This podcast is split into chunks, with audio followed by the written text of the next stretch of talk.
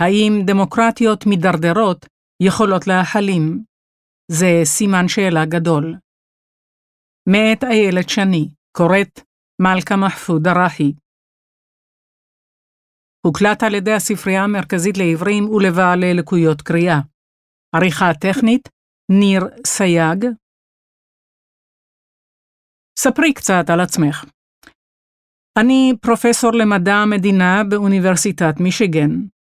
מרבית הקריירה שלי הוקדשה למחקר של פוליטיקה ברודנויות, אבל בשנים האחרונות אני עוסקת בעיקר באופן שבו דמוקרטיות מידרדרות לרודנות, וספציפית בהתנהלותם של מנהיגים נבחרים שמפרקים את הדמוקרטיה מבפנים בעת כהונתם.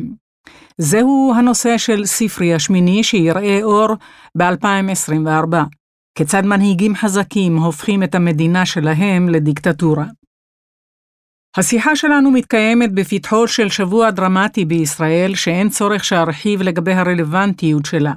אציין רק שהמחקרים שלך מתבססים על דאטה, על מאגר נתונים של למעלה מ-300 מקרים של משטרים רודניים בכל רחבי העולם, מתום מלחמת העולם השנייה.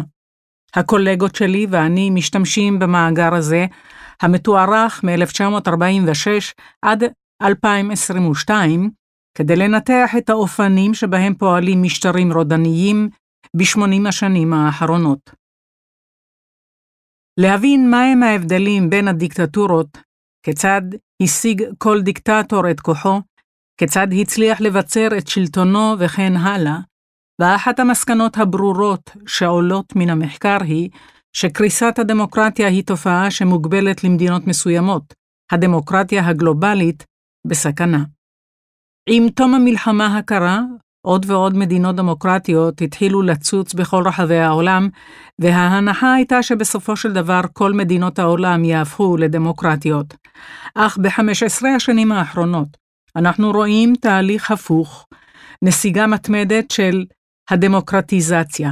יותר ויותר מדינות דמוקרטיות נעשות מועדות להשתלטות רודנית, וזה קורה דווקא במקומות שבהם לא ציפינו לראות זאת. נהוג להשתמש בשני מנבאים של חוסן דמוקרטי. כמה זמן המדינה הייתה דמוקרטית, ורמת העושר שלה בהתבסס על מדידת התל"ג לנפש. התופעה המטרידה שאנחנו רואים כיום היא שדווקא מדינות עם היסטוריה דמוקרטית ארוכה, שחוקרים לא הביעו כל חשש לחסינות הדמוקרטית שלהן, כמו ארצות הברית, פולין, הודו, מתחילות להראות סדקים עמוקים בדמוקרטיה. השורה התחתונה היא שכיום אנחנו לא יכולים להרשות לעצמנו לראות בדמוקרטיה בשום מקום בעולם עובדה מוגמרת.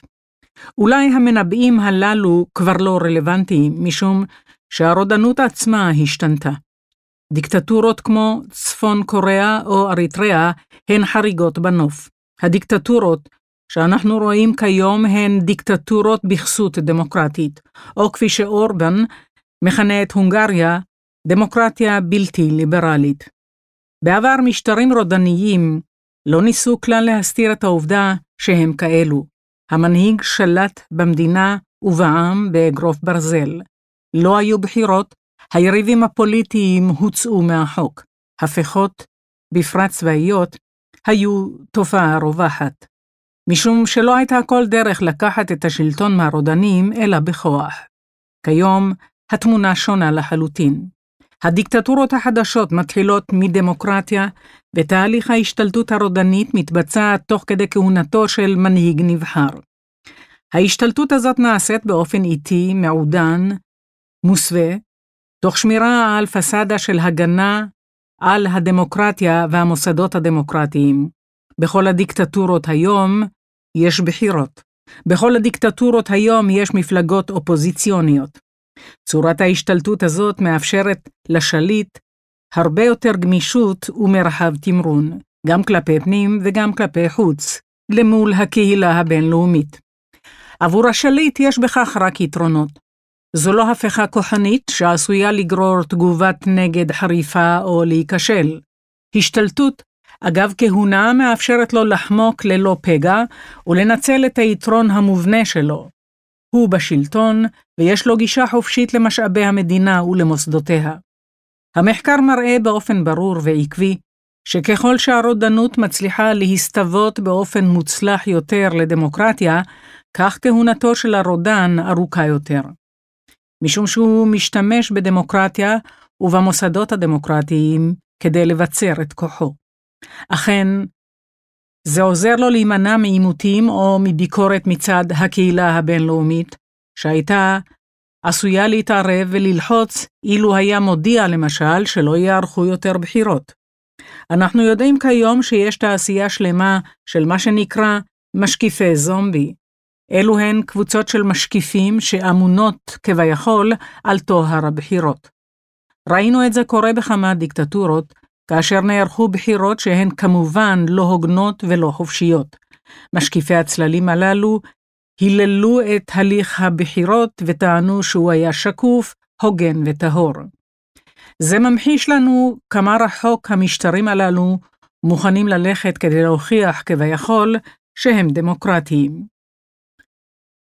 מסקי עשן, כמה מוכר. כן, חשבי.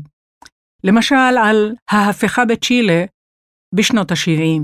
פינושה יזם הפיכה שהדיחה ממשלה דמוקרטית מכהנת. הדמוקרטיה נגמרה תוך יום אחד. לעומת זאת, צ'אבס בוונצואלה הגיע לשלטון באמצעות בחירות דמוקרטיות, ואז החל אט-אט לפרק את השיטה מבפנים.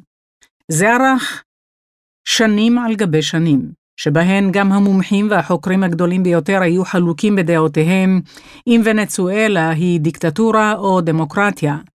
צ'אבס עלה לשלטון ב-1999 ושלט במדינה עד מותו ב-2013. כאשר אין אירוע ספציפי שמהווה טריגר למחאה גדולה או ללחץ בינלאומי, שוחרי הדמוקרטיה מתקשים להבין מה בדיוק קורה, להתאחד ולפעול. השתלטות תוך כדי כהונה היא אסטרטגיה מתוחכמת ביותר.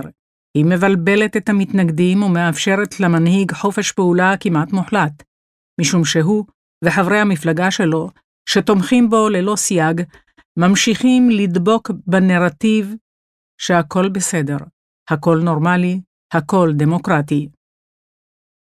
כן, גם נתניהו ושלוחיו מכנים את ההפכה חיזוק הדמוקרטיה. מעניין לדבר על תפקידה של האופוזיציה בסוג זה של השתלטות. לנתניהו, היסטוריה ארוכה של שימוש באופוזיציה לצרכיו, בכל מיני הקשרים. הוא עשה זאת גם עכשיו. אחרי שהבין את עוצמת ההתנגדות, הוא כלא את האופוזיציה במלכודת ההידברות, שאפשרה לו להרוויח זמן ולהיערך מחדש. כמתבוננת מבחוץ, אכן התרשמתי שההחלטה להקפיא את ההפיכה או להיכנס להידברות הייתה מס שפתיים בלבד. ניסיון שצלח להסיט את תשומת הלב של הקהילה הבינלאומית. זה נעשה משום שהמחאה בישראל עוררה הרבה עניין עולמי. עיני העולם כולו היו נשואות עליכם. זה, כמובן, לא מה שנתניהו רצה, ולכן הוא פנה להידברות. כך הוא הצליח להעמיד פנים שהוא עסוק במשא ומתן משמעותי, להיערך מחדש ולהתקדם עם התוכנית שלו, בתקווה שאנשים מן השורה יישרו קו.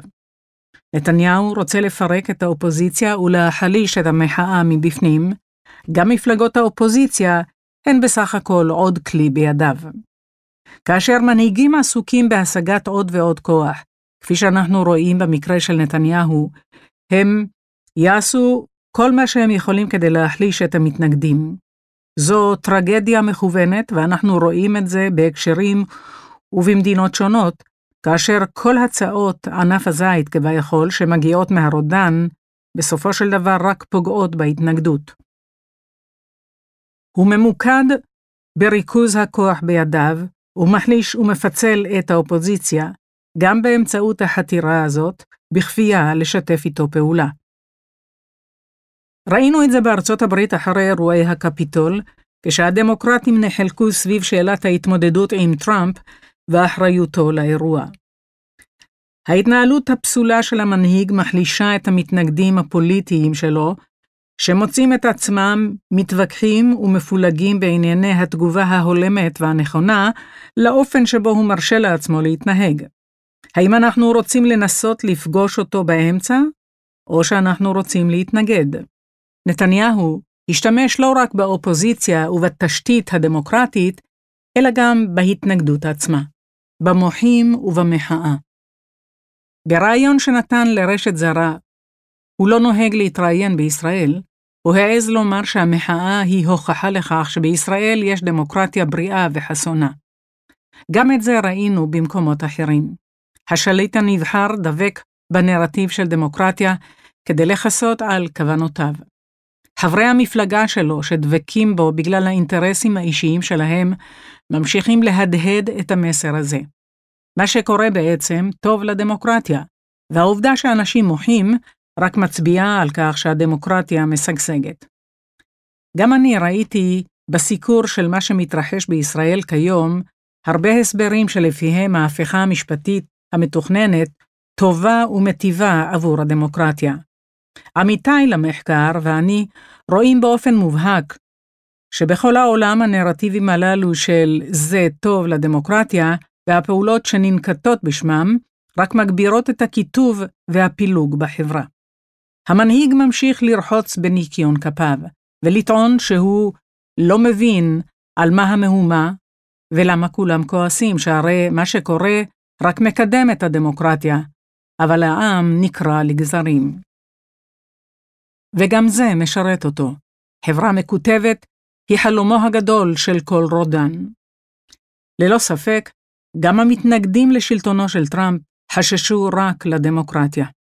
בסופו של דבר ראינו גם הידרדרות עמוקה של הדמוקרטיה וגם הסלמה מדאיגה של הקיטוב. התמיכה בטראמפ, שקידם ללא בושה מדיניות שפוגעת בדמוקרטיה, רק התרחבה.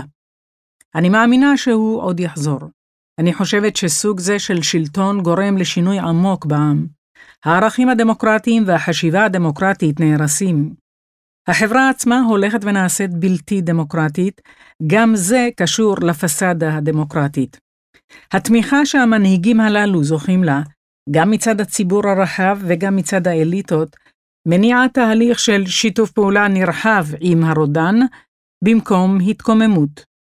אלו נזקי הנרמול והגז לייטינג, גם זה תהליך שמתרחש בישראל שנים רבות.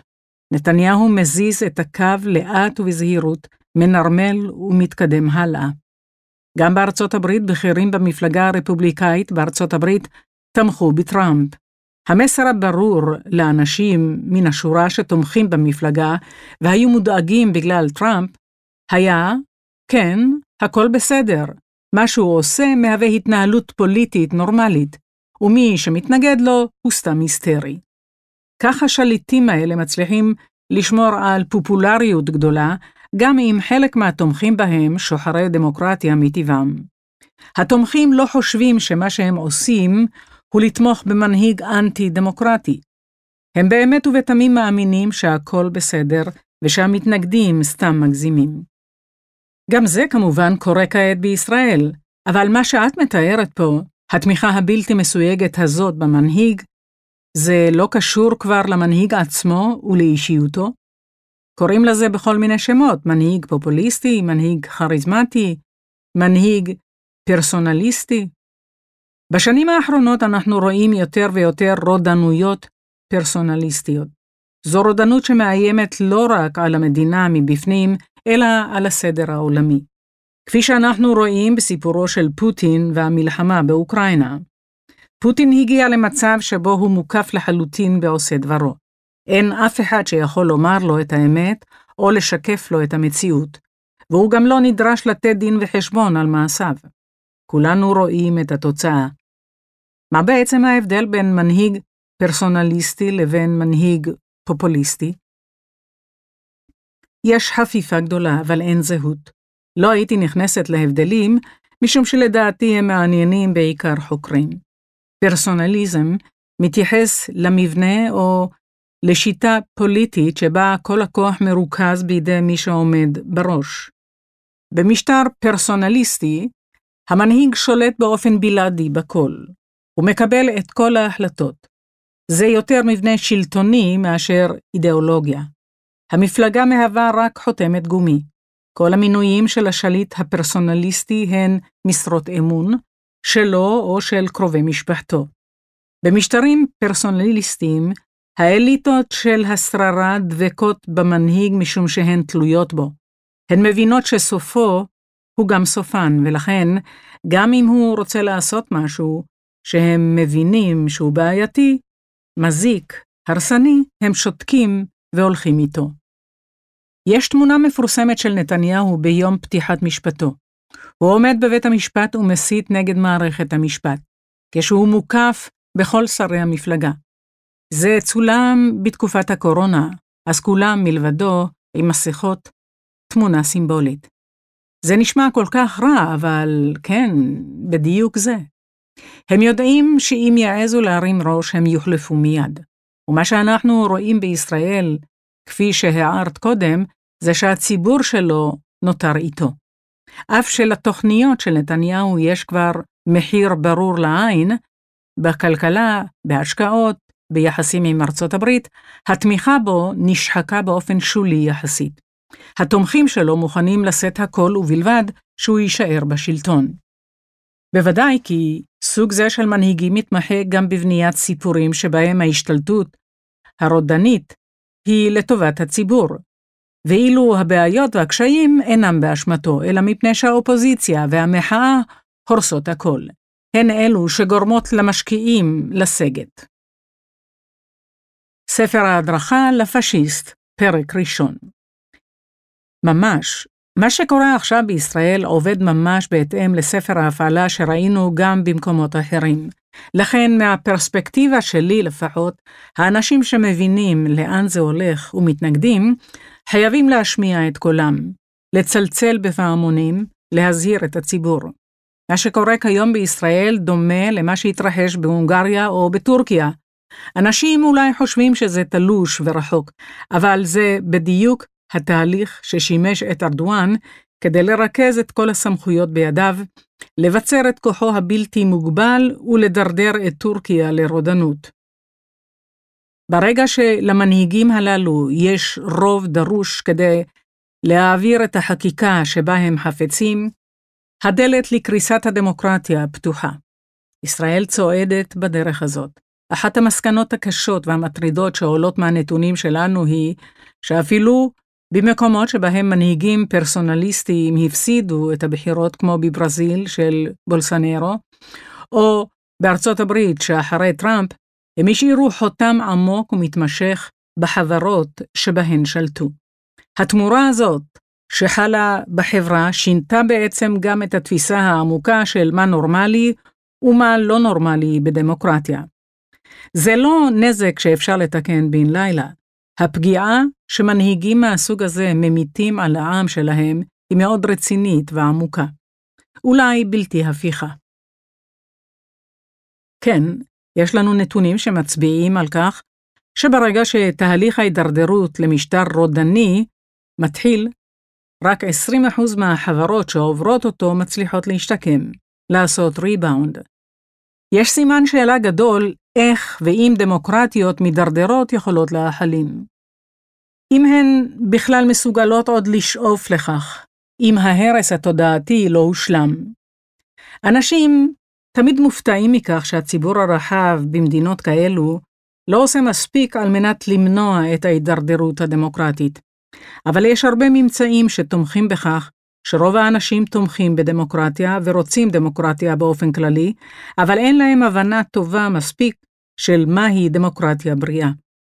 בפרט כאשר הדעות שלהם כל כך חדירות לסיפורים שקריים על מה נורמלי בדמוקרטיה, מהם הערכים האמיתיים של דמוקרטיה וכו'. זו הסיבה שאנחנו רואים הרבה פעמים שכאשר אנשים נשאלים אם הם רוצים לחיות בדמוקרטיה או תומכים בדמוקרטיה, הם משיבים בחיוב. אבל באותה נשימה מצהירים שהם תומכים באורבן, בנתניהו, בארדואן, או כל מנהיג אחר מהרשימה ההולכת ומתארכת הזאת. הם באמת לא רואים את הסתירה. בישראל מדברים הרבה בחודשים האחרונים על הונגריה, פולין, טורקיה. יש לך אולי דוגמאות למקומות אחרים? באל סלבדור נאיב בוקאלה, שנבחר על ידי המפלגה שהוא עצמו יצר, למעשה בנה גוף פוליטי גדול שזהה לו ולאינטרסים שלו. כאשר הוא נבחר ב-2019, איש לא היה מודאג ממצבה של הדמוקרטיה. להפך, הוא קיבל שבחים רבים על כך שהוא פנים חדשות ומרעננות בפוליטיקה. הוא התמקד בצבירת עוד ועוד כוח. הוא ערך טיהור במערכת המשפט, אייש את כל עמדות הכוח בכל המערכות ועושה דברו וכן הלאה. איכות הדמוקרטיה באל סלבדור מצויה בהידרדרות מתמדת, ואני משערת שזו הדמוקרטיה הבאה שנראה קורסת והופכת לדיקטטורה. מה אנחנו יכולים ללמוד מהמחקר על מחאה אפקטיבית? בישראל יש הרבה מחלוקות סביב האופן שבו היא אמורה להתנהל. לוחמים וטייסים הודיעו שהם לא מתכוונים להמשיך להתנדב בצבא אם החקיקה תעבור. המחקר מראה שמחאה אפקטיבית היא מחאה שמאחדת מספר גדול של אנשים בעלי עמדות מגוונות שחותרים לאותה מטרה. כל עוד ציבור רחב בישראל יוצא למחות, כך גדל הסיכוי שהמחאה תשיג את מטרתה. שמירה על מחאה בלתי אלימה גם היא קריטית לדמוקרטיה. כל זה כמובן לא מפתיע. עם זאת, חשוב להקדיש מחשבה לדברים בסיסיים. מהן נקודות התורפה של נתניהו? למי הוא באמת זקוק כדי לשמר את כוחו? אם האנשים שהוא זקוק להם לא מפעילים עליו לחץ לשנות את תוכניותיו, הוא ככל הנראה לא ישנה אותן. בישראל קיים גם ההקשר הביטחוני. פעולותיהם של מוחים כמו הטייסים הופכות את ישראל לפגיעה יותר, וגם הנתיב הזה עשוי להיות אפקטיבי ולתמרץ את נתניהו לשנות מסלול. המחאה בישראל נראית לי אפקטיבית, אבל השאלה היא, אם זה לא מאוחר מדי. שאלה טובה. זו חוויה מוזרה לנהל דיון תאורטי על מה שאנחנו חווים על בשרנו עכשיו. אני יכולה רק לנסות לשקף לך את החוויה המסויטת של הנרמול, מה שנראה תלוש, קיצוני ומופרך רק לפני חודשים אחדים, הופך למציאות. הכל קורס, אבל התנהגות נורמטיבית פרלמנטרית כמו קיזוזים בהצבעות בין האופוזיציה והקואליציה נמשכת. הקו הברור של מה שמתקבל על הדעת ומה שלא נע כל הזמן, בדיוק כפי שאת מתארת. פתאום זה נשמע הגיוני לחלוטין להיכנס למשא ומתן עם פוליטיקאים שפעלו ופועלים בדרכים שאך לפני כמה שנים היו לחלוטין בלתי מתקבלות על הדעת על ידי הרוב המכריע של החברה. זה לגמרי טבעי לתהליך הזה של השתלטות מתוך כהונה, משום שכאשר הדברים משתרעים על טווח זמן כה ארוך, אנשים באמת משנים עמדות. באופן עמוק ואותנטי לגבי מה מתקבל על הדעת מבחינתם. בתוך כל הבלבול הזה אני רק יכולה לתרום מהפרספקטיבה שלי ולהגיד שהזירה המשפטית היא הזירה המסוכנת מכל. לכרסום במערכת המשפט יש השלכות עמוקות וקשות ביותר, ומנהיגים שמצליחים להשתלט עליה ישיגו את כל מבוקשם. אנשים תולים את תקוותיהם בכל מיני גופים או רשויות שיבלמו את ההידרדרות, אך בסופו של דבר מערכת המשפט היא קו הביצורים האחרון של הדמוקרטיה. ככל שהמנהיג מצליח לפגוע בה ולצמצם את כוחה, כך פתוחה בפניו הדרך להצליח בהשתלטות. ובינתיים הכיתוב מסלים. אנחנו על סף מלחמת אזרחים. יכול להיות שכבר חצינו אותו. הרווחים עבור נתניהו מחברה מפוצלת ומשוסעת הם אינסופיים. זה חלק משמעותי מהבעיה. אם היית שואלת אותי לפני עשר שנים האם יש סיכוי שהדמוקרטיה בישראל תתערער, הייתי משיבה לך בנחרצות שאין שום סכנה כזו. והנה אנחנו רואים מה קורה. לצערי, אין לנו הבנה טובה מספיק של מה גורם בשנים האחרונות לדמוקרטיות, שבאופן היסטורי הן בריאות וחסינות, להתחיל לקרוס. לדעתי, אלו הרשתות החברתיות, החשיפה הישירה למנהיגים הרעילים בלי שום תיווך. זו לוחמה פסיכולוגית. אחד הממצאים הברורים שיש לנו הוא שמוסדות דמוקרטיים בריאים וחזקים, כמו למשל מפלגות פוליטיות יציבות ומתפקדות, קריטיים ליציבות הדמוקרטיה. הרשתות החברתיות למעשה מערערות את המבנים הללו וחותרות תחתיהם, משום שהן מאפשרות למנהיג לדבר ישירות אל האזרחים. אני מאמינה שהרשתות החברתיות משחקות תפקיד משמעותי בהידרדרות של הדמוקרטיה הגלובלית. האם תרצי לומר כמה מילים למוחים בישראל? הלוואי שהיו לי פתרון או הצעה שמבוססים על מחקר אקדמי. אין לי כזה. אני מרגישה גם לא בנוח לומר לאנשים מה לעשות, משום שאני מודעת היטב לכך שהמחאה כרוכה גם בסיכונים אישיים. אני חושבת שאם הישראלים רוצים להמשיך לחיות בדמוקרטיה, הם צריכים להמשיך להתנגד, ללחוץ בכל הכוח, אסור להם למצמץ. המנהיגים הללו, לא רק בישראל, פוגעים אנושות בדמוקרטיה. דווקא משום שהם עושים זאת לאט, בצעדים קטנים. צריך לחשוף אותם, למחות מול כל צעד וצעד, להסביר למה זה מסוכן. כרגע הסכנה לישראל גדולה וההשלכות ארוכות טווח והרסניות, משום שככל שמנהיגים אלו צוברים עוד ועוד כוח, כך הסיכוי שיצליחו לחמוק בעתיד מכל סיטואציה גדל. המוחים לא מגזימים ולא היסטריים. מה שקורה בישראל בימים אלו הוא לחלוטין לא נורמלי בדמוקרטיה.